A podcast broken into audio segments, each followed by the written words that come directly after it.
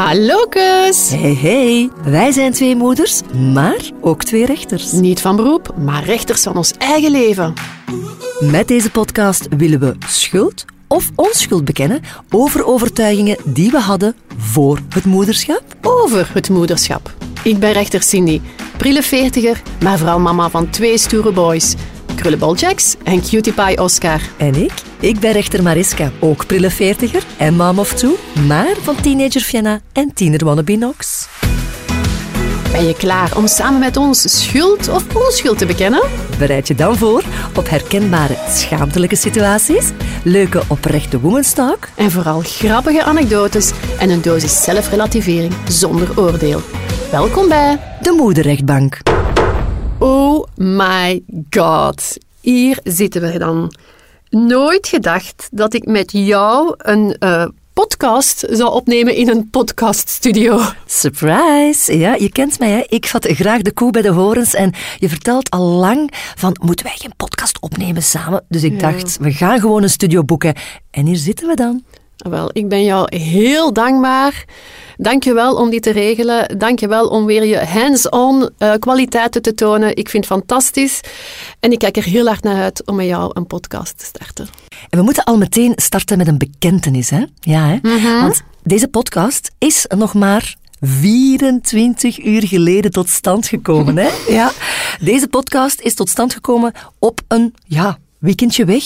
En dan dachten we, wel, welke verhalen gaan we dan vertellen? Wel, Hetgeen dat we gemeenschappelijk hebben, is voornamelijk het moederschap. Ja. Zowel jij als ik zijn moeder en meter ook van onze kleintjes. Maar we zijn allebei ook van, van moordpodcasts.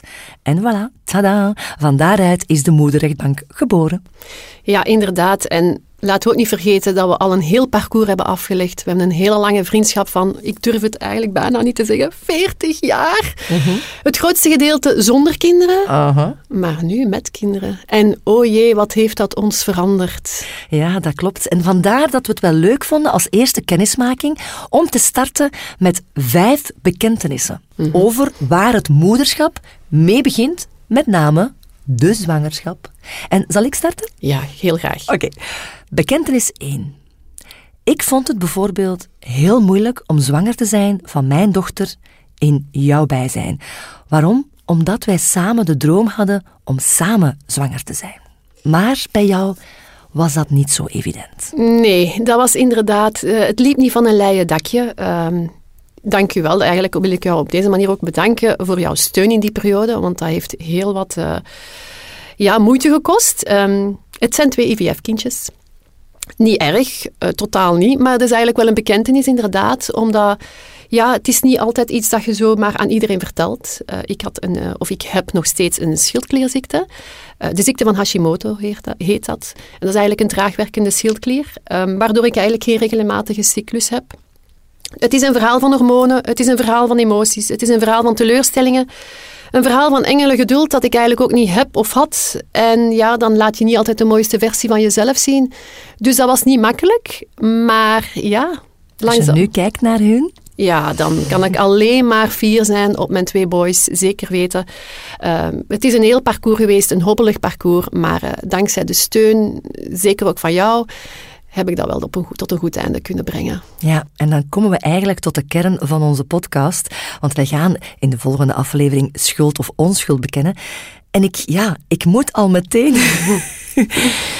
een vraag stellen aan jullie.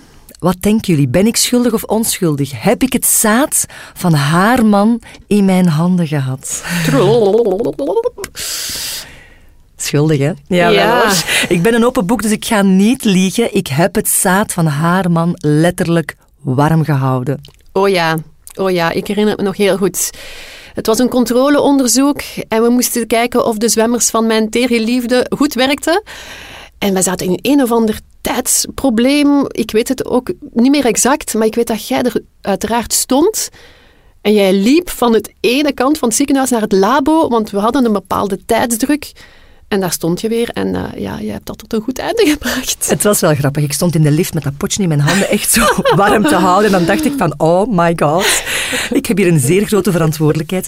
Maar ze zijn naar mij weten toch goed terechtgekomen. Ja, ja, ja, ja. En, uh, ja. Het was allemaal geen probleem. Het is allemaal goed gekomen. Dus, uh, maar het blijft wel een heel grappige anekdote, moet ik zeggen. En een bijzonder kantje van de vriendschap, moet ik ja, zeggen. Ja, absoluut. Kunnen niet veel mensen zeggen eigenlijk. Nee, nee, nee, nee, absoluut niet. Bekentenis 2 is voor jou. Yes, mijn bekentenis. Ik vond het moeilijk om in jouw omgeving te komen als jij bevallen was van Vienna. Ja, dat begrijp ik. Ja, ik denk dat we op die moment dat ik aan het vluchten was, um, niet zozeer van, van jou, maar eigenlijk meer van de situatie. Mm -hmm. Ik had dan ook al een miskraam gehad, dus dan heb je zoiets van, ik wil er eigenlijk even niks mee, mee te maken hebben. En dan heb ik gevlucht. Gevlucht in feestjes, gevlucht, ook van mijn man trouwens. Um, maar ja, dat is geen leuke geen leuk moment in mijn leven geweest. Dus dat is even iets dat je moet plaatsen. Maar ja, dat klopt wel. Ja. Ik heb dat even vermeden. Ik denk dat ik ook geen goede vriendin was op die moment voor jou. Ik ga niet zeggen dat ik jouw afwezigheid niet heb gevoeld, maar ik heb er geen last van gehad. Ik heb er niet van wakker gelegen. Ik begreep dat ook ergens wel. Het was natuurlijk de ambitie om samen zwanger te zijn. Als je dan mm -hmm. Wel succes hebt, en, uh, dan is dat moeilijk. Want mm -hmm. dat is tweeledig, want je gunt mm -hmm. u dat ook. En je gunt je eigen dat geluk ook, uiteraard, maar dan zet je dat altijd een klein beetje op de achtergrond. Ja, ik vind dat gewoon ook jammer dat jij dan eigenlijk gedeeltelijk je geluk hebt moeten opzij zetten, omdat ik me dan niet goed voelde. Wat heel mooi is, uiteraard, en zo ben jij ook, maar ja, ik vind dat dan ook jammer nu eigenlijk. Mm -hmm. Maar we hebben dat goed gemaakt. Ja, Toch? Dat is waar. We moeten naar het dat positieve kijken. Ja, we hebben dat sowieso. goed gemaakt, want onze droom is wel uitgekomen. Met nummer twee. Want jij was drie maanden zwanger van Jax, mm -hmm. als ik het nieuws mocht brengen van Nox. Dus we zijn uiteindelijk nog samen zwanger geweest. De ene al iets mooier dan de andere. En dan heb ik het niet over mezelf, maar over jou. Maar goed. Uh, wacht, ja, maar de ene ook minder ziek dan de andere. Ja, ja klopt ook. Laten we dat ook niet vergeten. Ja, ja, klopt. Het gaat niet alleen om het uiterlijke plaatje natuurlijk, nee, nee, maar nee. Uh, zwanger zijn was toch voor mij een uh, verschrikking met een, of een slechte afspraak met de spiegel. Maar goed. Bij mij een heel slechte afspraak met de wc-pot. Ja, ja. Zo hebben we elk onze, onze moeilijkheden natuurlijk. Oké. Okay. Bekentenis nummer drie. Hè, nu dat we toch in de mm -hmm. flow zitten. Mm -hmm.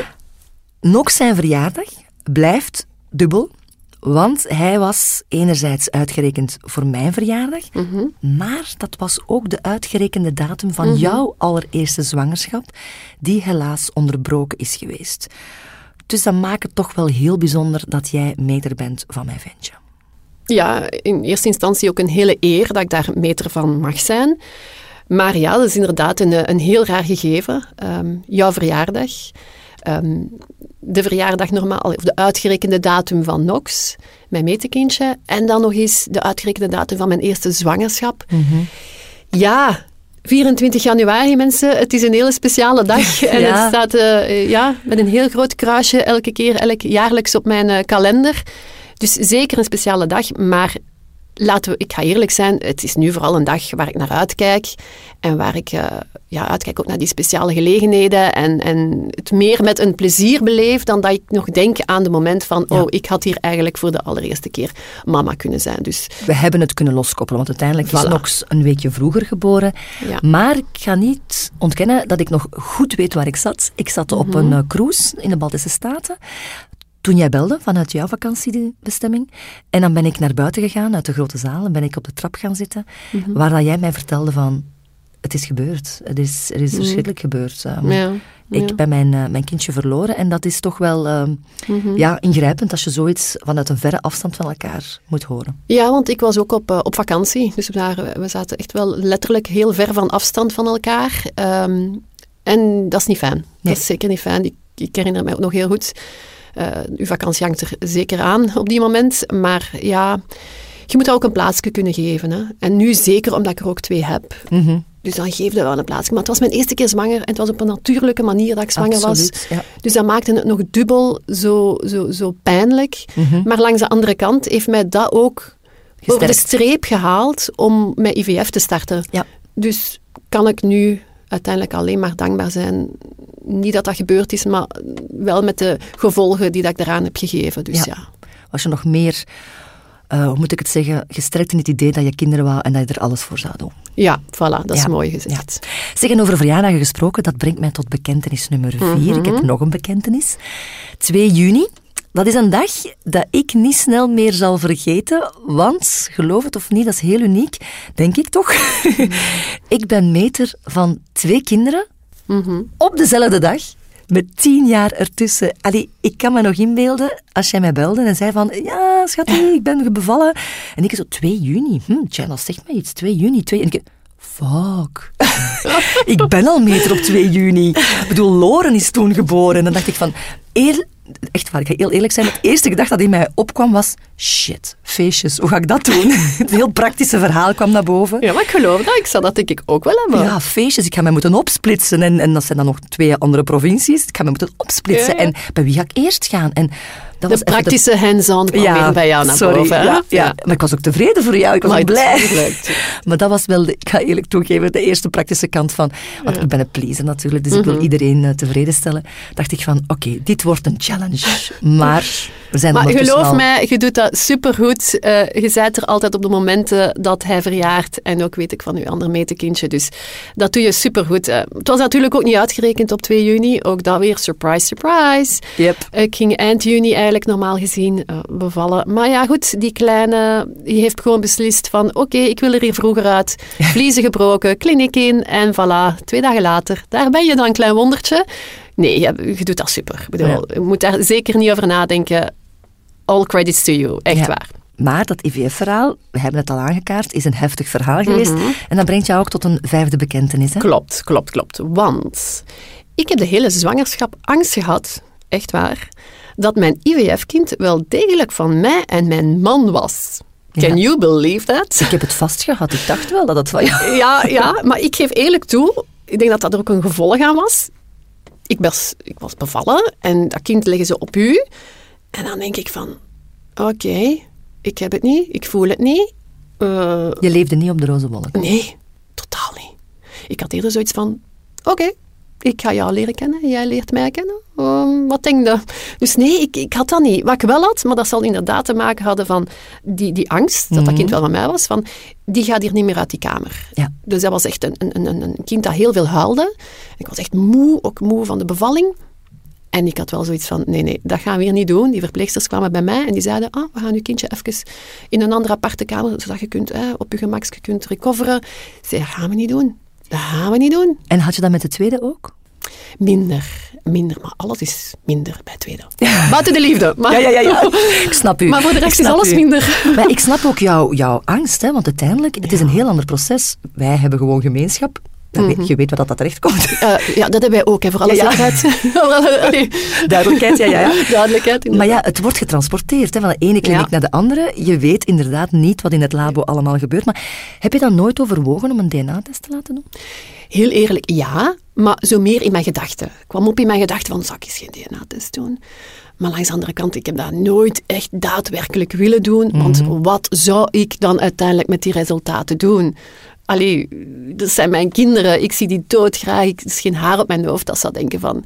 Ja, goed, eh, dan is het maar zo... eh, nee, nee, nee, nee. Dus ik denk dat dat gaat soms kruist, dat zo mijn gedachten. Ja. Maar daadwerkelijk dat doen, nee. Dat, dat is zeker niet. Dat zeker niet, nee. En ja, met dat eh, te zeggen hebben we onze vijf bekentenissen gehad, denk ik. Hè? Nu al. Ja, en heb je toch al een voorsmaakje gekregen van onze opstart als mama? Hoe het daarna verder gelopen is, ja, dat is voor podcast aflevering 2.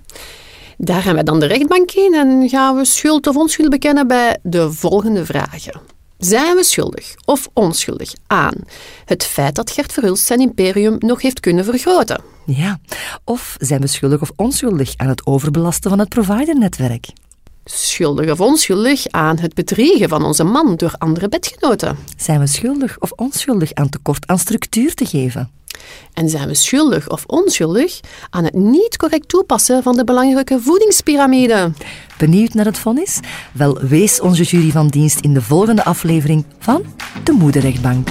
Fijn dat je naar onze vonnissen hebt geluisterd in de Moederrechtbank. Voor je mag beschikken, stellen we jullie graag aan als juryleden. Vond je deze podcast leuk, grappig of herkenbaar? Beken als schuld of onschuld op Instagram. Je kan namelijk al onze fratse verhalen en afleveringen volgen op de onderscore Moederrechtbank. Wij kijken uit naar jullie verdict en hoop jullie snel weer te verwelkomen in de Moederrechtbank. Case closed.